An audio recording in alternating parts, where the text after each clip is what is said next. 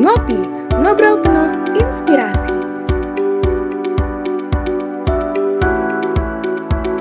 Memilih HRD sebagai passion. Halo, selamat malam Sobat Ngulik semua. Kembali lagi kita di acara Ngopi Podcast, ngobrol penuh inspirasi.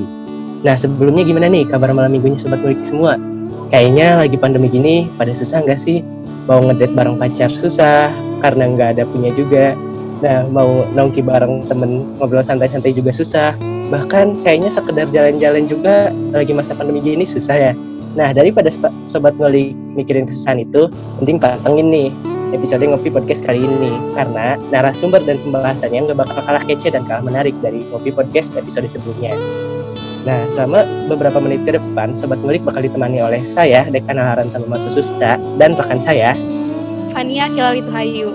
Nah, Deka dan Sobat Ngulik, hari ini, di malam hari ini, kita kedatangan sama salah satu pembicara yang keren banget, Deka. Mau tau nggak Deka siapa? ih siapa tuh kak? Nah, kita mungkin uh, langsung kasih tahu aja kali ya. Nah, pembicara kita pada malam hari ini adalah Kak Putu Norma Asyari. Beliau merupakan VP Head of Talent Management and Organizational Development at Indosat Radio. Mungkin kita bisa langsung kenalan aja kali ya Deka sama kakaknya. Iya nih kak, pasti Sobat Ngulik juga udah penasaran banget nih sama Kak Norma ini. Halo Kak Norma, gimana Kak kabarnya Kak? Halo, kabar baik. Alhamdulillah. Semoga Sobat Ngulik juga di rumah sehat-sehat selalu ya. Nah, Kak, pasti Sobat Ngulik juga udah penasaran nih Kak buat tahu lebih jauh tentang Kak Norma. Nah, jadi kita awali aja ya Kak. Boleh nggak Kak cerita lebih jauh tentang Kak Norma gitu? Mungkin dimulai dari educational background, karir dahulu, aktivitas saat ini, dan mungkin sedikit personal life mungkin Kak. Ya, ya, ya. Jadi uh, thank you banget ya kesempatannya teman-teman. Uh, great uh, apa namanya opportunity to share gitu. Jadi uh, kesempatan kali ini sharing kalau misalnya sedikit tentang uh, background saya. Jadi dulu uh, saya lahir besar di Bali gitu ya. Jadi um, cukup cukup apa namanya uh, happy lahir besar di Bali, kuliah uh, accounting di Bali juga gitu ya. Uh, lalu saya pindah ke Inggris satu tahun untuk ngambil Master Human Resources gitu. Nah banyak sekali yang yang nanya tuh sebenarnya kok bisa pas pas major sih dari accounting ke uh, Human Resources gitu ya. Itu biasanya pertanyaan pertama yang sering ditanya pada saat uh, ini career discussion gitu. Jadi uh, dulu waktu accounting ya apa namanya saya suka ngajar uh, apa public speaking and debating gitu. Ya, untuk untuk beberapa sekolah-sekolah dan universitas yang ada di Bali gitu. Jadi di sana saya belajar bahwa it's very fun to develop teams. It's very fun to mix mix and match uh, people to make a strong team make a winning team gitu. Jadi target saya waktu itu adalah siapa pun uh, atau sekolah mana pun yang saya ajar mereka harus masuk topi di semua competition yang uh, mereka join gitu. Jadi itu merupakan ekstrakurikuler yang saya sering lakukan semasa saya kuliah uh, semasa saya kuliah accounting gitu. Jadi saya menyadari bahwa itu bisa ya gitu. That's what I like to do gitu. Jadi kalau misalnya mau lanjut kuliah S2 what do I wanna do gitu? Do I wanna to continue atau I want to pursue what I enjoy doing gitu. Jadi uh, saya pelajari, saya baca-baca waktu itu adalah oh kayaknya kalau mixing and matching itu uh, terus the areas of development itu masuknya di human resources begitu. Jadi uh, maka dari itulah saya pilih human resources sebagai major untuk S2 saya di Inggris gitu. Jadi uh, kebetulan di Inggris kalau S2 cukup cepat karena uh, apa namanya dalam satu tahun itu sedikit banget liburnya nggak ada libur summer karena selama libur summer juga kita buat disertasi gitu. Jadi um, ya yeah, I went to England sekolah di sana belajar human resources dari nol. Lalu uh, kembali ke Indonesia joining uh, Unilever Indonesia uh, sebagai human resources assistant manager untuk leadership and development at the time. Jadi itu yang mengawali uh, karir saya di bidang human resources sebenarnya sih. Jadi uh, nyasar kuliah itu nggak masalah. Ternyata ada ada jalan lain yang Tuhan tunjukkan kepada saya. Begitu teman-teman. Nah, uh, dengar dari cerita Kak Norma tadi kayaknya seru banget ya Kak, mulai dari accounting terus terus pindah ke HR gitu ya Kak. Ya. Selanjutnya nih Kak, aku mau nanyain Kak, menurut Kak Norma ngomongin soal HR nih Kak, seberapa penting sih Kak HR itu bagi perusahaan atau organisasi Kak? Ya, ya, ya. Jadi kalau misalnya saya bilang penting banget, takutnya saya bias ya, karena saya kerjanya di bidang HR kan. Tapi observing uh, apa namanya observing uh, pengalaman saya di tiga company. Uh, jadi pertama waktu saya masuk Unilever gitu ya, manufacturing company uh, di mana itu global gitu ya uh, uh, apa namanya karyawannya juga banyak dan diputar-putar ke beberapa, beberapa role habis itu pindah lagi ke consulting di mana saya mengadvise beberapa company untuk uh, apa namanya kebutuhan human resources mereka dan sekarang pindah lagi ke communication industry ya semakin menyadari gitu bahwa uh, apa namanya human resources itu tidak hanya semata-mata uh, tugasnya ngomong karyawan it's really a business partnering role gitu bahwa di setiap strategi yang perusahaan lakukan selalu ada elemen people-nya. Misalnya, contoh, uh, kalau perusahaan itu mau ekspansi, mau ekspansi uh, bisnis, maka bahkan harus ada penempatan karyawan, harus ada re realokasi skill, harus ada apa namanya reward and compensation yang didesain. Gitu. Jadi uh, apa namanya uh, kegiatan yang related to people itu sangat sangat amat penting untuk mendukung strategi bisnis dan itu di industri mana pun industri mana pun karena saya pernah di manufacturing pernah di consulting di waktu di consulting juga saya mengadvise beberapa bisnis gitu ya energi pernah manufacturing pernah gitu uh, services juga pernah logistik juga pernah gitu kan jadi semakin menyadari itu bahwa uh, apa namanya HR itu nggak nggak nggak sangat integral hubungannya dengan bisnis. Gitu. Jadi kalau ditanya penting apa enggak, ya penting banget gitu karena erat sekali hubungannya gitu. Itu sih observasi saya ya selama 8 tahun bekerja. Wah keren banget ya sobat ngulik jam terbangnya kan normal udah gak bisa diragukan banget ini mah di bidang HR tentunya. Nah kalau lihat track record nih kak karir di HRD kan banyak nih kak sekali yang bukan uh, berasal dari background psikologi ataupun manajemen kak tapi ternyata berbakat di bidang HRD itu nah sebenarnya kak apa sih kriteria utama untuk jadi orang HRD ya kak? Uh, justru mungkin bukan kriteria tertentu ya karena HR is very generalist gitu jadi siapa pun dari background mana pun itu bisa jadi seorang uh, apa HR practitioner gitu di industri apa pun.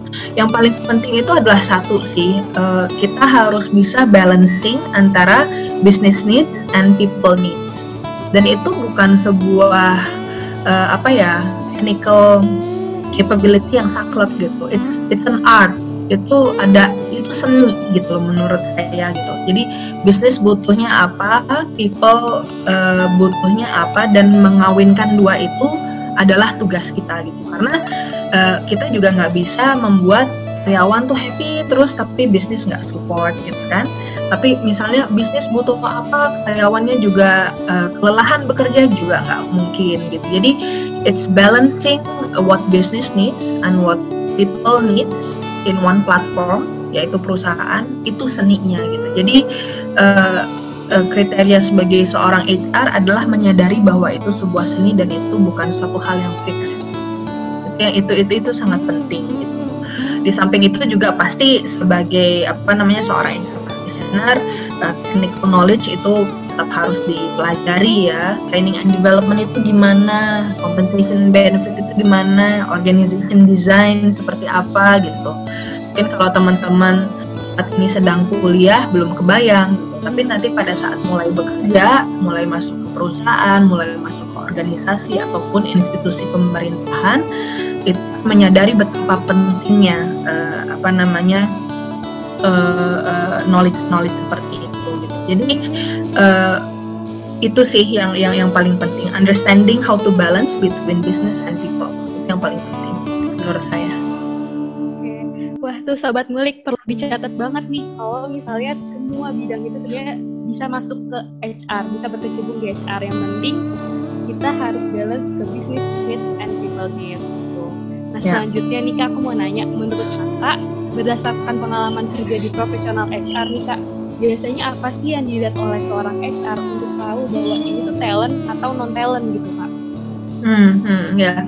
Ini pertanyaan sering banget saya eh, dapatkan waktu dari dulu saya masuk eh, apa namanya Unilever sampai sekarang gitu ya. Terutama kita eh, pada saat ketemu dengan mahasiswa ataupun mereka yang yang profesional baru-baru bekerja lah. Jadi pasti ada kegalauan saya ini talent gak sih gitu. Am I performing gitu? Please give me feedback. Itu itu, itu sangat sangat sering pertanyaan kita temui. Tapi kalau menurut saya everybody can be a talent if we put them at the right place. Gitu. Jadi setiap orang itu kan pasti punya punya keahliannya, punya kegemarannya gitu kan. Di mana mereka eh, akan unggul di satu bidang dibandingkan bidang yang lain gitu kan. Itu itu itu sudah pasti. That's the nature of human. Nah, tugas kita sebagai HR di perusahaan adalah memastikan penempatan orang itu adalah posisi yang bisa uh, menjadi tempat mereka flourishing gitu loh. Jadi mereka itu uh, talentnya keluar. Gitu. Ya, um, there's, I mean, if if if you tell a fish to fly, they will feel dumb all the time gitu kan. Tapi we need to be able to put the fish in the sea and the birds in the air gitu. Jadi mereka um, bisa bisa terbang dengan potensi masing-masing. Itu tugas kita. Jadi kalau sebagai HR tugas kita adalah memastikan uh, kita bisa membaca profil skills uh, orang tersebut, lalu menempatkan mereka di posisi yang tepat gitu ya, lalu uh, memberikan mereka segala macam learning yang dibutuhkan supaya mereka bisa menjadi talent di bidangnya masing-masing. Itu sih yang penting. Karena uh, semakin ke sini tren HR itu adalah customization. Jadi kalian tipe tipe karyawan yang seperti apa, tipe talent yang seperti apa, maka kita memprovide um, skills and development yang sesuai dengan kebutuhan kalian. Jadi nggak ada satu menu yang fit all, tapi customizing that everyone can be a talent in their own place. Wah, sobat ngulik perlu digarisbawahi banget nih ya. Everyone can be talent jika mereka ada di tempat yang tepat. Iya. Dan tentunya tugas HR sendiri harus bisa menempatkan orang tersebut di tempat yang tepat agar talentnya keluar dengan maksimal. Iya. Nah, Kak, pasti sobat ngulik juga penasaran nih Kak. Setiap orang, kebanyakan orang mungkin ya, kalau lihat orang sukses itu penasaran apa sih yang bikin dia termotivasi nyampe dia bisa sukses di bidang tersebut dan mungkin apa ya tantangan terbesar yang dilalui oleh orang tersebut gitu.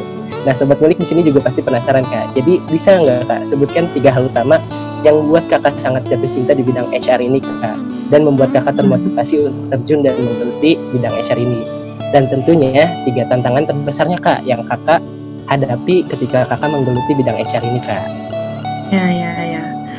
Jadi um, tiga hal yang benar-benar buat saya apa namanya uh, jatuh cinta gitu ya sama HR adalah uh, satu dengan pekerjaan ini saya bisa bantu orang. When when we talk about recruitment, we are helping people to find their job gitu, job yang mereka suka, job yang mereka passionate gitu.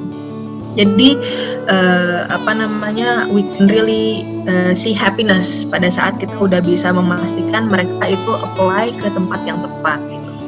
When we talk about training and development, buat saya it's it's like school kayak kayak sekolah gitu. We create batches of of uh, participants di mana mereka itu bisa helping each other gitu. Kita ngebantu mereka untuk belajar kayak sekolah gitu. So that that really gives me satisfaction. Terus yang ketiga adalah kalau misalnya kita bisa buatkan mereka career path yang cocok, kita carikan mereka tempat yang tepat supaya mereka accelerate gitu.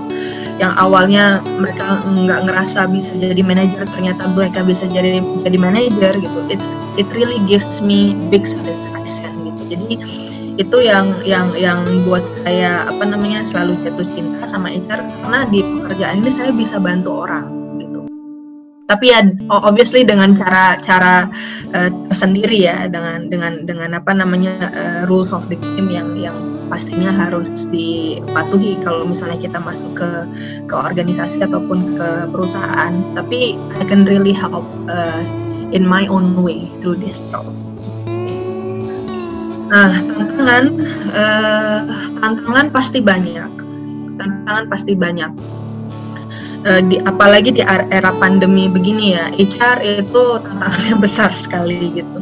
Jadi uh, membiasakan karyawan untuk uh, working in a virtual team dan itu mungkin yang yang muda-muda sudah cukup terbiasa gitu ya. Tapi making sure everybody in the company nggak uh, ketinggalan dengan dengan cara kerja seperti itu itu nggak mudah. Karena kita harus sosialisasi menjelaskan mencontohkan gitu kan.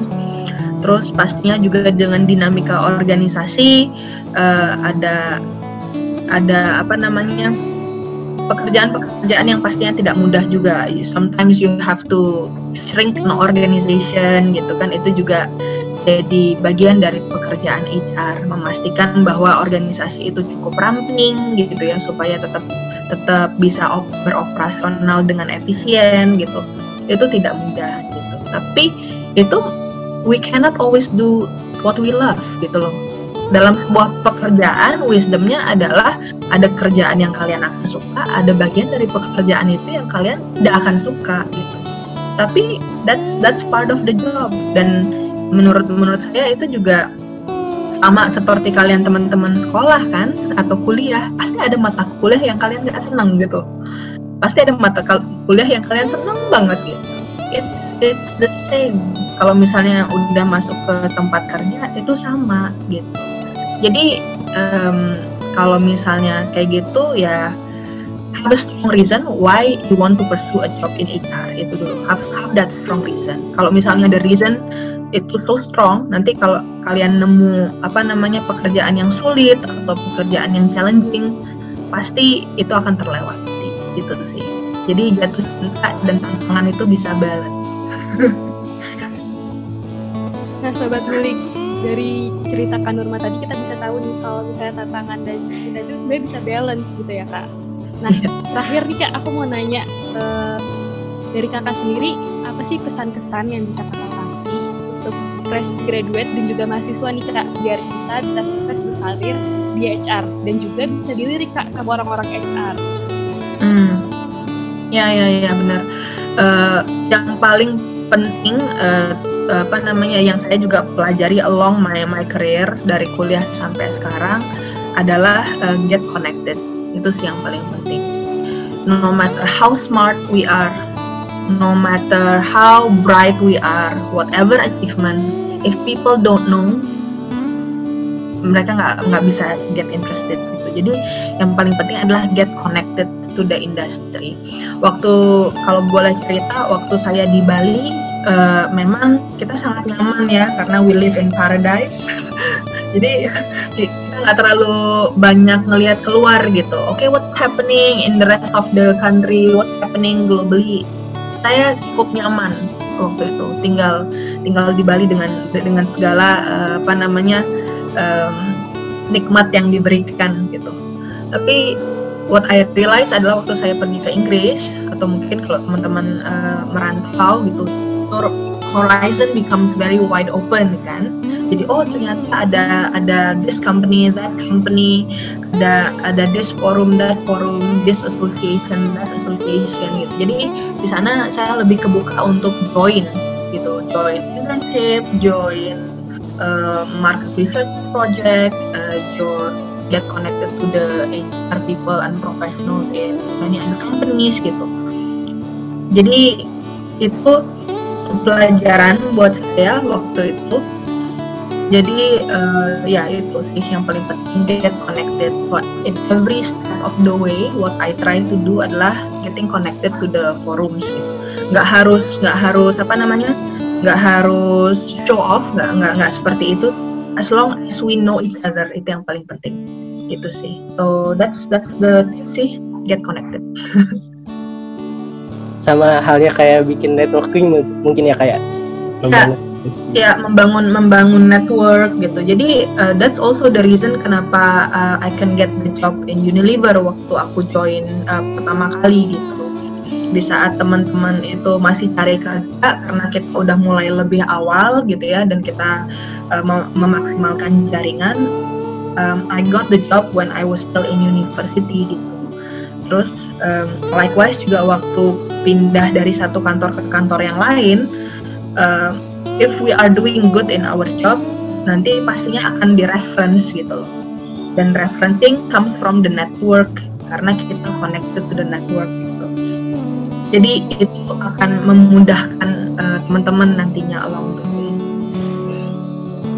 Nah, kayak gitu sobat ngulik. Jadi buat sobat ngulik nih yang uh, berminat di bidang HR maupun bidang apa pun, jangan lupa membangun networking dan get connected to people. Karena sepintar apa pun kalian, jika orang tidak mengetahuinya, uh, kalian tidak akan ada nilainya di mata orang lain. Nah, kemudian uh, nih kak, uh, kan biasanya uh, di bidang HR ini butuh ya kak yang kayak connected gitu ya. Nah, kayaknya sobat ngulik penasaran deh kak, gimana memulainya gitu kak buat get connected ke orang lain gitu kak? Ya ya ya. Uh, banyak banget sebenarnya forum-forum uh, yang teman-teman bisa join gitu ya, uh, kayak CIPD kalau kalau uh, regionally sama globally ada CIPD di Indonesia juga banyak banget gitu kan. Ada uh, apa namanya HR group untuk para milenial. Itu udah mulai banyak gitu. Karena uh, aspirasi teman-teman HR ini aku lihat di industri juga adalah untuk ngegroom di adiknya gitu so they, they tend to be open gitu loh uh, untuk buka seminar-seminar atau buka uh, apa talking sessions gitu uh, dan kalian bisa join gitu. Ada beberapa yang memang subscribe tipenya, ada beberapa yang memang juga open for free gitu. Jadi dari sana uh, apa namanya kalian bisa mulai join gitu.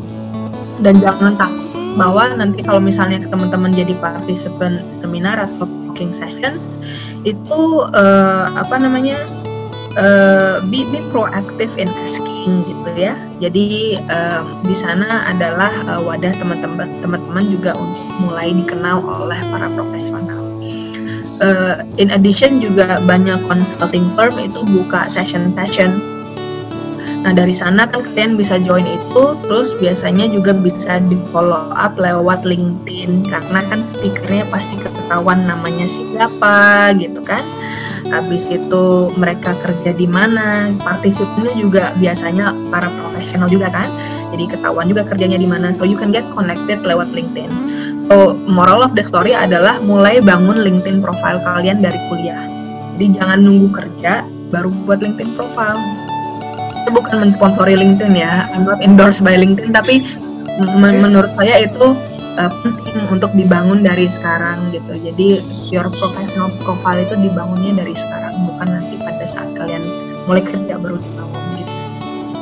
Nah itu dia sobat ngulik. Jadi buat sobat ngulik nih yang masih mahasiswa khususnya, jangan lupa untuk mempersiapkan diri untuk menghadapi uh, dunia kerja terutama di bidang HR. Betul banget. Nah, uh, Kak Nurma, Kak sebelum kita tutup nih ya, ada lagi kan closing statement nih kak dari Kak Norma untuk ngopi podcast di malam hari ini kak? um, apa ya? Uh, just just don't be afraid to try itu sih gitu apa sama kayaknya kayak kalau kalian cari pacar atau punya target siapa nih yang mau di gitu kan atau yang mau ditembak uh, buat para cowok-cowok mungkin gitu. It's the same analogy gitu. A job is also like that gitu ya.